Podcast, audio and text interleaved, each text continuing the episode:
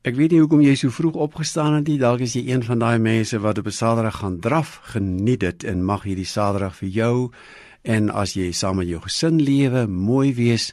As jy alleen is, mag dit net so mooi wees. As jy siek is, mag jy op daai siekbed en in daai saal of kamer die teenwoordigheid van die Here ervaar.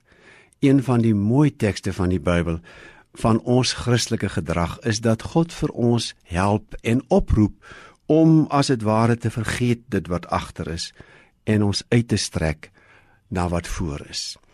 Paulus skryf byvoorbeeld in Filippense hoofstuk 12 en 13 dat hy maak hom los van die dinge wat agter is. Jy kan ook begryp dat dit nogal vir hom nodig was. Sê nou hy het aanhoudend moes terugdink aan hoe hy die gemeente vervolg het aan hoe hy briewe gekry het om in Damaskus ook Christene te gaan gevange neem en na Jerusalem te bring. Weet jy, dis daarmee geheue wat jou kan vashou. Dit is 'n geskiedenis wat jou kan pootjie. En ons almal loop met geskiedenisse rond. Daar's nie 'n mens sonder een of ander vorm van 'n geskiedenis nie. En wat die Bybel ons in hierdie lewensgedrag van ons, hierdie publieke burgerlike koninkryksgedrag wil mee help is, Julle moet daai goed los. Los hulle waar hulle hoort in die verlede. Hulle gaan vir julle vashou.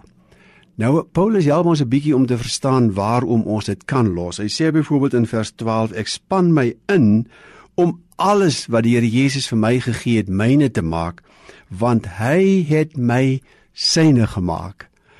Ek sê altyd as ek oor hierdie teks spreek of praat, dis die naaste wat Paulus ooit aan rugby gekom het. Natuurlik het hy nie die spel geken nie, maar hy het my syne gemaak is eintlik 'n mooi Griekse uitdrukking van hy het my getackle bal en al.